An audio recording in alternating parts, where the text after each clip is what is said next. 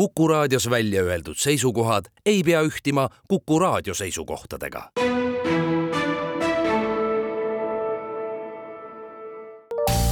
terviseks.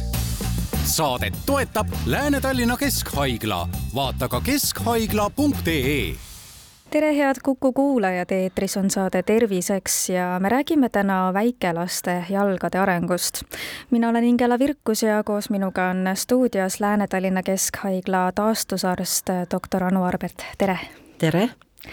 millised on kõige levinumad mured seoses väikelaste jalgadega?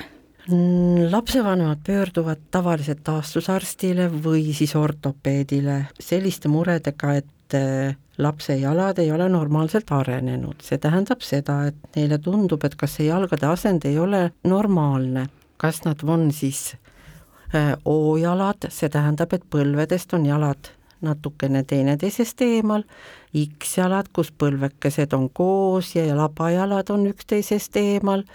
Siis eh, sissepoole kõndivad, varvastega sissepoole kõndivad lapsed, varvastel kõndivad lapsed, eh, need ongi peamised ja muidugi üks on veel, et eh, tihti tullakse ka sellepärast, et lapsel on välja kujunenud see kaksisvee asendis istumine, mida peetakse väga-väga valeks.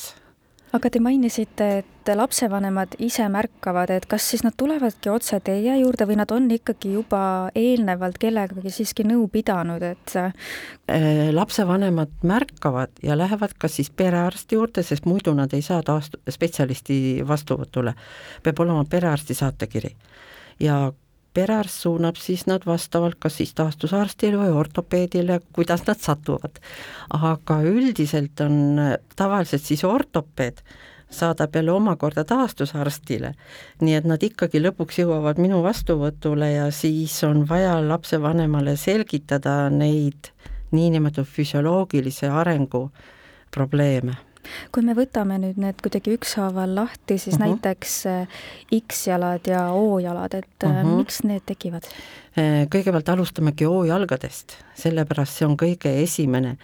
kuna laps on ema üsas painutatud jalgadega, ta ei saa neid mitte kuidagi seal sirutada ja ta sünnibki niimoodi, et need jalad ongi painutusasendis, põlved on üksteisest eemal ja selline asend võibki olla kuni laps ükskord hakkab iseseisvalt kõndima, tal võivad olla need O-jalad, mis tegelikult tema kõndimist ja arengut absoluutselt ei sega, see on füsioloogiline lapse areng. tal on tarvis tasakaalu saavutamiseks, kui ta hakkab püsti tõusma, laiemat toetuspinda, ta ongi, jalad on natukene laiali, natukene harkis ja põlvedest eemaldatud. ja see on tema, tema selline kõnnimuster. ja see on täiesti normvariant, kui nüüd ei kaasu seal mingeid muid äh, patoloogilisi seisundeid, näiteks kui ta on väga tugevasti ülekaalus, on olemas selliseid äh, juhtumeid, kus laps on ülekaalus ja hüpermobiilsed liigesed, see tähendab seda, et liiges on hästi painduv, hästi liikuv ja ta selle keharaskuse all, ta vajub veel rohkem äh, valesse asendisse. Ja kui ta on alles sellises vanuses, et ta ise veel väga kindlalt ei kõnni, siis see võibki põhjustada natukene seda jalgade suuremat deformatsiooni. kindlasti on ka üks see, et kui laps ei ole saanud piisavalt D-vitamiini, tema luustik ei, ei saa piisavalt toitu, kuna meil seda päikesevalgust ja päikest meie kliimas kahjuks on suhteliselt vähe, siis see areng ka luude poolt on natukene tagasihoidlikum ja lapse jalad võivad ka seetõttu vajuda valesse asendisse ja no muid haigusnähte on ka, aga noh, ma arvan, et me haiguste peal praegu esialgu ei peatu, et see on ikkagi, võib öelda, et et see on lapse loomulik areng, loomulik füsioloogiline asend. mis siis edaspidi, kui ta hakkab juba püsti tõusma, hakkab äh, kõndima, siis on, hakkavad need jalad minema kõigepealt natukene sirgemaks, kasvavad arenguliselt ja siis ongi, et nad äh, kuskil alates teisest eluaastast, kui tal ikka juba see kõnnimuster on ikka juba täiesti olemas, laps oskab kõndida iseseisvalt, võivad need jalad arenguliselt minna X-i, see tähendab seda, et põlved lähevad rohkem teineteisele lähemale ja labajalad jäävad natukene teineteisest kaugemale ja hüppeliigestest tundub, nagu see jalg vajuks sissepoole. Kui lapsel mitte mu-, mingeid muid kaebuseid ei ole, siis ei ole ka patoloogia, see on ka üks füsioloogilise arengu norm. ja see kasvades läheb üle ja kuskil seitsmendaks, kaheksandaks eluaastaks tegelikult lapse jalad kasvavad sirgeks.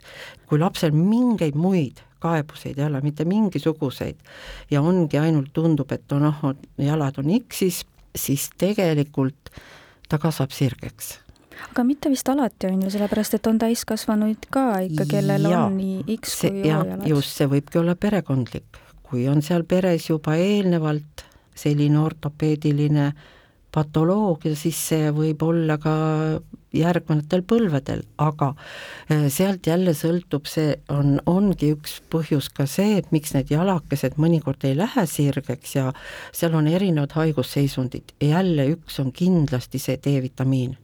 Ja teiseks on see, et kui lapsed ikka väga varakult ähm, hakkavad tõusma püsti ja nende jalalihased ja kerelihased ei ole veel valmis seismiseks ja kui pannakse ka nad väga varakult sinna kuskile abivahenditesse. käimistoolid näiteks. just, et sealt tulevad ka, sellest saame ka pärast rääkida, et igasugused muud probleemid, ja muidugi vot nüüd tuleb, jõuamegi selle kaksisvee asendis istumise peale juurde, et tegelikult need väikelapsed, väikelapsed on siis noh, vanuselt kuni, kuni eelkooliga, nii, aga hakkame, kui nüüd see X-jalgsus ütlesime, et võib hakata kujunema kuskil välja kaheaastaselt, natukene või isegi, oleneb individuaalne.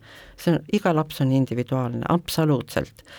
ja kui siis ta istub, eelistab istumist kaksisvee asendis edasi sellel ajal, siis see mingil määral võib seda süvendada, kuid äh, sel ajal, sellel ajaperioodil, kui laps on sellises vanuses, siis ongi tal need äh, reieluu ongi sissepoole pööratud juba puusadest. Ja ta mitte mingisuguse võimuga me ei suuda panna tegelikult, kui tal äh, neid istuma rätsepaistesse, selles mõttes, et, et tal on ebamugav, tal on lihtsam istuda niimoodi, et tal on põlved koos, istubki seal jalgade vahel. aga seda asendit saab ka korrigeerida, et äh, ei lase lapsel istuda pikalt sinna jalgade vahele, vaid me saame suunata seda, seda istumisasendit muuta. et aga siis, kui on juba vot lapsevanemal ongi see mure, seepärast nad tulevadki sinna meie juurde, ma mõtlen taastusravisse, et nii taastusarst kui füsioterapeut, siis saab juba lapsevanemale näidata, kuidas ta, laps peab istuma ja mida ta peab tegema aga te mainisite probleemina ka, et varbad on sissepoole või käiakse kikivarvul või mhm. -huh. ma saan aru, et jalad sissepoole kõnd on ka probleem, et ja. miks need tekivad? jalad sissepoole kõnd on ka täiesti, see on seesama, seesama arenguline probleem. kuna nii, nagu meil oligi juttu, et, et lapse jalad on juba pööratud siit puusadest sissepoole, siis lähevad ka põlved sissepoole ja siis ta võib ka astuda labajalgadega sissepoole. see on täiesti füsioloogiline, arenguline seisund, absoluutselt.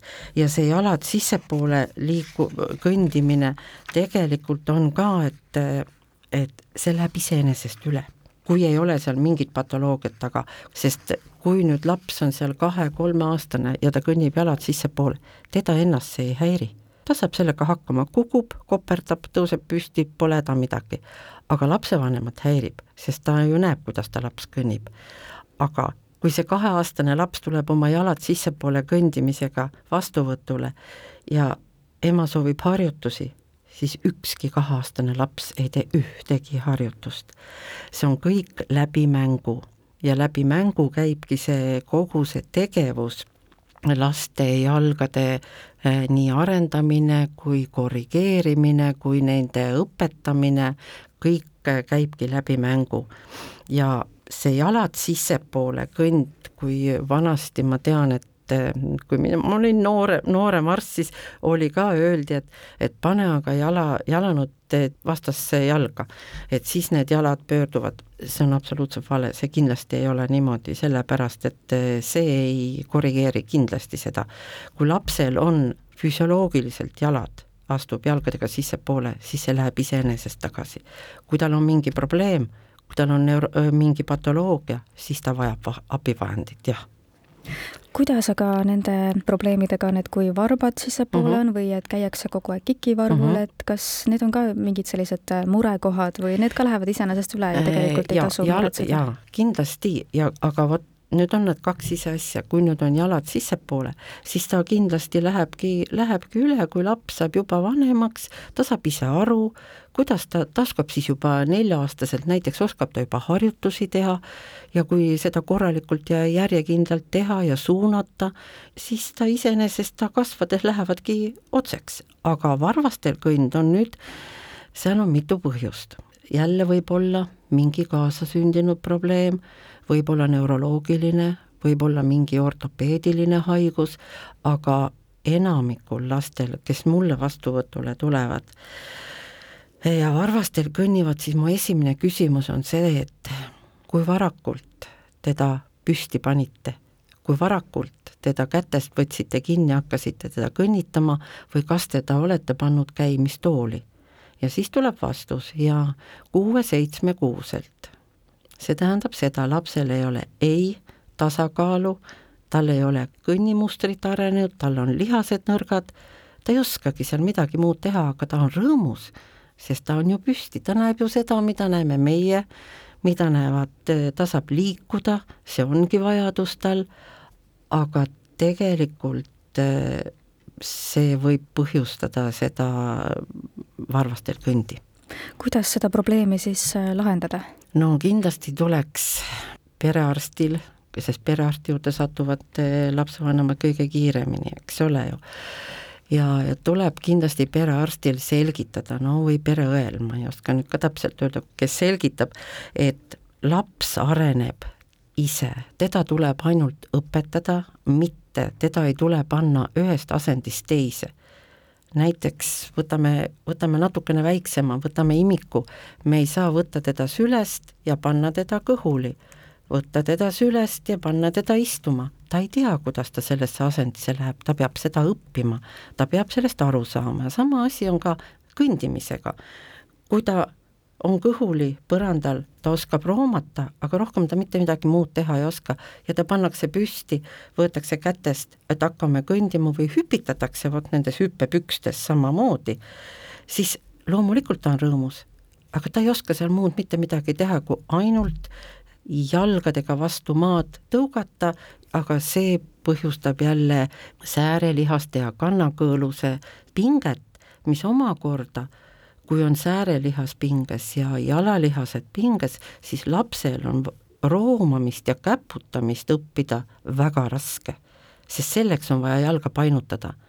Hüppamiseks on, me peame tõukama, jalga muudkui sirutame, aga ja siis ongi, et kui ta jätab vahele vot need etapid, roomamise, käputamise ja pannakse kohe püsti või ta ise hakkab selle järgselt ennast püsti tõmbama, siis on tal väga raske seda õiget kõnnimustrit õppida. me jätkame oma vestlust juba homme kell neliteist nelikümmend viis. terviseks saadet toetab Lääne-Tallinna Keskhaigla, vaata ka keskhaigla.ee